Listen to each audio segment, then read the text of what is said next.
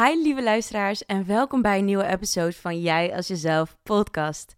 Ik kreeg afgelopen weken best wel wat berichtjes van vrouwen die echt super blij waren met de content die ik maakte, met de podcast um, onderwerpen die ik maakte. En ze wouden eigenlijk wat meer horen over ja, hoe het is om als vrouw binnen een biculturele samenleving te leven. Dus opgroeien met traditionele normen en waarden vanuit je eigen cultuur, met een allochtone achtergrond, maar opgroeien in een westerse samenleving. En vooral daarbij de tegenslagen die je krijgt van je omgeving. Dus gebaseerd op de keuzes die jij anders maakt. En toevallig had ik het hier laatst ook over met collega's. En vooral over hoe je eigenlijk je directe omgeving je zoveel pijn kan doen. Alleen maar omdat je een andere keuze maakt dan dat zij maken. En als je opgroeit als een millennial, dan zit je natuurlijk daar echt tussenin. Je hebt natuurlijk de keuzes die komen vanuit traditionele normen en waarden vanuit je ouders. Maar je hebt ook keuzes die je zou kunnen maken aan de hand van: oh, ik woon in een. Um, maar ook keuzes kunnen maken aan de hand van: ik woon en leef in een westerse samenleving. Dat zijn soms hele andere keuzes. Soms dan passen ze bij elkaar en soms ook niet. En dat deed me eigenlijk denken aan iets wat ik vroeger heel vaak hoorde. Ik hoorde vroeger namelijk altijd van mijn moeder: Ugomba Tonda. En als je Rwandees bent, dan weet je wat dat betekent. En voor de niet-Rwandezen, in het Nederlands betekent dat ongeveer, ja, je moet je gedijst houden, uh, je moet je rustig houden. Dus weet je, gewoon zit stil, uh, handen op je knieën. En ik was niet zo meid. Ik had altijd wel wat te zeggen, een eigen mening, of ik was wel een beetje druk, weet je, zingen. Ik had altijd wel praatje, ik wou, ik wou altijd wel mensen verrassen. Of weet je, ik was altijd wel aan het acteren. En dat soort dingetjes. En ja, ik kon gewoon niet stilzitten. En dat wou ik ook niet. Dat is ook iets wat me niet altijd echt te goede heeft gebracht. Maar ik weet nog dat we op een bruiloft waren. En op die bruiloft zaten we gewoon aan een tafel. En we zaten met een paar mensen die we ook niet kenden. Wat helemaal prima is. En het is tijd om eigenlijk eten te gaan halen. En het was gewoon een buffet. Dus je moet gewoon opstaan met je bord en je gaat eten halen. En er was een man die zat aan tafel. Kende hem niet, we hadden ook geen praatje met hem gemaakt. Op een gegeven moment vraagt hij aan mij van... Hey, uh, ga nog een bord voor me halen. Hij vroeg het niet eens trouwens. Hij zei het van doe dit voor mij. En ik keek hem aan. Ik kijk mijn moeder aan. Ik kijk hem nog een keer aan. Ik kijk mijn moeder nog een keer aan. En zij kijkt me aan met van die ogen zo van ga je het nog doen? En ik had zoiets van, nee, dat ga ik niet doen. Ik ken jou niet, ik heb geen praatje met je gemaakt. Je bent mijn vader niet, je bent mijn oom niet, je bent mijn broer niet. Want voor familie zou ik het zo doen, in een heartbeat. Tuurlijk, weet je, is gewoon netjes. Maar omdat ik zoiets had van, en je vraagt het niet eens, en je legt het me op, en ik ken jou niet. Maar dat is dus iets wat heel normaal is vanuit mijn cultuur, dat de man eigenlijk gewoon op die manier gezag heeft over een vrouw. Ongeacht of het zijn eigen vrouw is of uit zijn eigen familie. Als jonge vrouw zou je gewoon moeten luisteren naar alle mannen die boven jou staan of die ouder dan jij zijn. Ook al is het niet van je eigen familie. En ja, ik heb dat dus toen niet gedaan. Ik heb gewoon gezegd tegen moeder en mijn mama, ik ken hem niet. Dus ik ga dat ook gewoon niet doen. En dat zei ik ook gewoon tegen hem van, je kan het wel vragen aan je eigen vrouw of aan je eigen kinderen, maar ik ga dat niet voor jou doen. Um, dus ja, je kan wel zeggen dat zulke dingen kan natuurlijk heel veel schaamte veroorzaken bij je ouders. En vroeger dan dacht ik altijd, weet je, oké, je moet je gedijst houden. Ik doe het wel, want ja, ik wil mijn ouders niet verschut zetten. Is niet leuk. Of straks krijg ik straf. Ik heb daar ook geen zin in. Weet je. Maar op een gegeven moment had ik door van, hmm, oké, het is wel heel belangrijk voor mijn ouders dat ze gewoon gezien worden als ja, goede, leuke mensen van de buitenkant. Vooral. En dan had het gewoon te maken met als ik op ja, bezoek was of wat dan ook, dan moest ik gewoon al die dingen doen. Want dat liet zien van dat ik een dochter was die goed opgevoed was. Een dochter was die deed wat zij wouden. En op het moment dat jij een dochter bent die doet wat je ouders willen, dan ben jij een goede dochter. Dat is eigenlijk waar het op neerkomt. En op een gegeven moment merkte ik van, hmm, het is toch wel heel erg voor de buitenwereld. Want ik begon natuurlijk met zingen, uh, theateropleiding. En mijn ouders stonden er eigenlijk niet achter in het begin.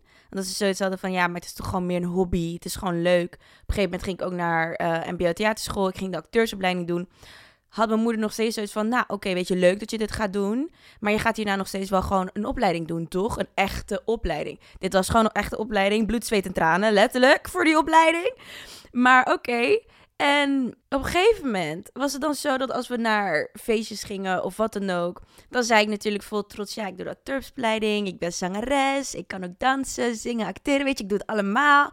En op de feestjes zelf, dan hadden zij ook allemaal zoiets van: ja, dit is mijn dochter en zij doet dat en ze doet het ook goed.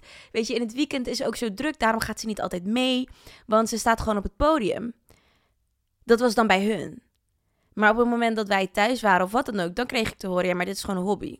Dit ga je serieus niet doen. Je moet nog steeds iets anders doen. Hoe ga je geld hiermee verdienen? Hier sta ik niet achter. Het is alleen maar voor een hobby. Dit en dat. Dit. This, that en the third. En ja, dat was zo raar. Dat het dan thuis wel zo was van: oké, ik sta er niet achter. Maar dan in de buitenwereld. Hmm, jawel, mijn, mijn dochter is de beste en ze kan het allemaal. En ze, ja, ze voelen gewoon schaamte. En, en schaamte is iets wat ze gewoon, wat vroeger wel heel vaak gewoon gebruikt werd. Toen ik jonger was, om gewoon eigenlijk iets niet te doen. Weet je, op het moment dat je je ouders voor schut zet of wat dan ook, um, dan moet je dat niet doen. Dus daardoor durfde ik geen relaties te beëindigen. Want straks ben jij die dochter. Nou, ik heb, je hebt dan al een witte vriend. En dan gaat het ook nog eens uit na zoveel jaar, terwijl iedereen dacht dat jullie gingen trouwen en bij elkaar zouden blijven. Ja, je, je durft bepaalde keuzes niet te maken, omdat je gewoon bang bent voor de schaamte die je ouders krijgen. En de schaamte die je ouders dan weer zullen opleggen bij jou. En dan ga je gewoon maar de boek, ja, het boekje volgen en alles volgens de regels doen. Want anders schamen je ouders zich voor, voor jou als persoon. Daar heb ik een vraagje voor jullie. Hebben jullie ooit het gevoel gehad dat je ouders of je familie zich voor jou schaamde. Want ik weet 100% zeker dat als ik op het moment dat ik mijn mond opende, altijd op feestjes of wat dan ook, en ik had mijn eigen mening, dan keek mijn moeder me wel echt aan met de zijrij van: Serieus? Ga jij nu praten? Doe maar niet, want je zet me voor schut anders. En ik zag dus laatst ook een filmpje van een therapeut. En ze zei dat eigenlijk heel veel mensen worstelen niet met een laag zelfbeeld op het moment dat mensen naar, naar therapie gaan en ze zeggen van ja, ik worstel heel erg met een laag zelfbeeld, is dat vaak niet het probleem. Maar is het eigenlijk dat toen ze kinderen waren, hadden ze wel een hoog zelfbeeld. En voelden zich ook echt wel goed in hun lijf. En hadden ze zoiets van: ja, ik ben een goed persoon, ik ben een leuk persoon. Maar ze hadden geen mensen om hen heen die dat bevestigden. Dus die zagen ook niet de goedheid die zij in zichzelf zagen. Dus op een gegeven moment, dan word je ouder. En dan heb je eigenlijk de keuze van: oké, ga ik van mezelf houden en die goedheid in mezelf gewoon zien, ondanks wat andere mensen ervan vinden, ondanks wat je familie ervan vindt? Of kies ik ervoor om me verbonden te voelen met de mensen om me heen, met mijn familie? Ik kwam er dus laatst achter toen ik dat filmpje zag van: ik heb voor het tweede gekozen. Want ik ben niet per se verlegen of zo. Ik durf wel heel veel dingen en ik doe ook heel veel dingen. Maar het is altijd met, het, met de gedachte van, ga ik deze dingen doen voor mezelf? Of is het zo dat ik, als ik dit doe, zet ik mijn ouders verschut? Of geef ik mijn ouders een slechte naam? Geef ik mijn familie een slechte naam? En toen ging ik nadenken over al mijn keuzes die ik heb gemaakt. En op het moment dat ik dat eruit haal, dan denk ik, ja, ik heb heel veel keuzes gemaakt gebaseerd op hoe het zou voelen voor mijn ouders. En ik denk dat heel veel millennials dit gevoel wel kennen. Uh, vooral als je in een biculturele samenleving bent opgegroeid. Want je wilt je ouders tevreden houden. Dus je kiest ook voor een baan, een studie, waarbij je je ouders tevreden houdt. Want ja, je bent ze eigenlijk een soort van wat schuldig. Zij hebben jou naar dit land toegebracht. Zij hebben jou hier veilig toegebracht. Maar tegelijkertijd, vergeet niet, zij hebben ervoor gekozen om jou als kind te krijgen toen zij zwanger waren van jou, neem ik aan, hoop ik, waren ze gewoon blij met het feit dat je kwam. En dan, het is hun plicht om voor jou te zorgen en jou lief te hebben. Maar het is niet hun recht om te bepalen voor jou wat jij gaat doen met jouw leven. Dat is aan jou. Dat is geheel aan jou. En zoals jullie weten, en mijn eerdere podcast ben ik natuurlijk best wel jong uit huis gegaan. En ik woon nog steeds alleen trouwens. Ik ben single en ik ben bijna 30. Nou ja, ik ben 27, maar ik ben bijna 30. En in mijn cultuur, als ik er nog best wel diep in zat, zouden best wel veel gezichten van links naar rechts kijken van... Oh, nou, je bent op die leeftijd, je hebt nog steeds geen vriend, je hebt nog steeds geen kinderen. Uh, waar ben jij mee bezig? Oh, je staat op het toneel, dus je maakt een soort van carrière. Maar eigenlijk ben je ook niet helemaal daar, daar. Waarbij wij zoiets hebben van, oh, nou, ze woont in een grote villa en uh, ze heeft het helemaal voor elkaar. Weet je, dat beeld. Dat is dan wat mensen vanuit mijn cultuur vaak voor ogen hebben. Wetende dat er mensen zijn die op die manier nog steeds eigenlijk wel over vrouwen praten die in de positie zitten als die ik zit, heb ik toch best wel jong de keuze gemaakt van oké, weet je wat, dan wil ik me zoveel mogelijk eigenlijk afzijdig houden van mijn cultuur. In de opzicht van niet naar te veel feestjes gaan. Niet te veel andere Rwandese mensen opzoeken.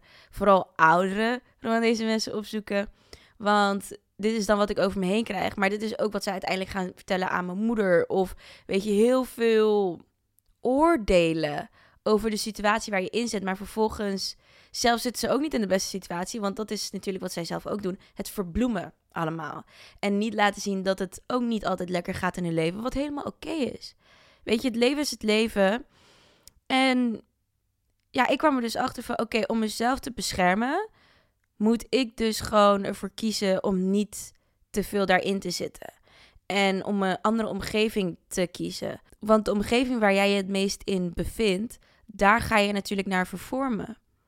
En waarom zou ik in een omgeving willen zitten waar ik eigenlijk, waar ik niet gerespecteerd word voor wie ik ben en alleen maar geoordeeld word. En op een gegeven moment merkte ik ook van, ik ga ook heel veel oordelen. Niet alleen over mezelf, maar ook over anderen. En weet je, dan is het de vraag van, maakt je omgeving je sterker of verlies je jezelf door je omgeving? En op het moment dat je gaat verliezen door je omgeving, dan moet je de omgeving gewoon verlaten. En dat is ook een van de redenen, denk ik, dat ik ook daarnaast gewoon ook geen contact heb met mijn moeder. Weet je, het is een keuze vanuit haar. Omdat zij niet eens is met hoe ik mezelf uit en de bepaalde keuzes die ik heb gemaakt. En dat is helemaal oké. Maar je verwacht dan juist van de enige persoon die onvoorwaardelijk van je hoort te houden, dat, ja, dat die nog steeds achter je staat, ondanks de keuzes die je maakt, ondanks dat de keuzes anders zijn. En als ik het anders had gedaan, als ik had gekozen voor de verbindenis met mijn moeder, had ik mezelf dus klein moeten houden. Had ik heel veel keuzes moeten maken die helemaal niet in lijn staan met wie ik ben en waar ik voor sta. En dan ga je jezelf verliezen. En weet je wat, dan ben ik liever geen goede dochter in hun ogen, maar ben ik wel een goed persoon voor mezelf. Want uiteindelijk ben ik de persoon die 24/7 met zichzelf moet leven in mijn hoofd. Op het moment dat ik niet blij ben met wat hier aan de hand is, dan kan ik geen gelukkig leven leiden en ben ik uiteindelijk toch geen goede dochter. Zo zie ik het. En weet je, voor mij heeft dat geholpen om gewoon even geen contact te hebben met mijn ouders en die omgeving. Nog steeds geen contact te hebben met mijn moeder. Maar dat betekent niet dat dat ook werkt voor jou ik denk dat je moet kijken naar wat is de root of the problem. En op het moment dat je ook geen gesprekken kan hebben met je ouders, dan je kan altijd therapie voorstellen. Ik weet nog dat ik therapie voorstelde aan mijn moeder en dat dat niet echt per se in de juiste keelgat viel. Want ja, het is toch wel iets waar heel veel, ik denk Afrikaanse, misschien Surinaamse, ook wel Arabische samenleving. Het is toch wel van, oh, ben ik gek? Ben ik de gekke persoon? Waarom moet ik in therapie? Want ik doe niks verkeerds. En dat is natuurlijk omdat zij dat hebben meegekregen vanuit hun ouders. Dus dat hebben zij natuurlijk niet.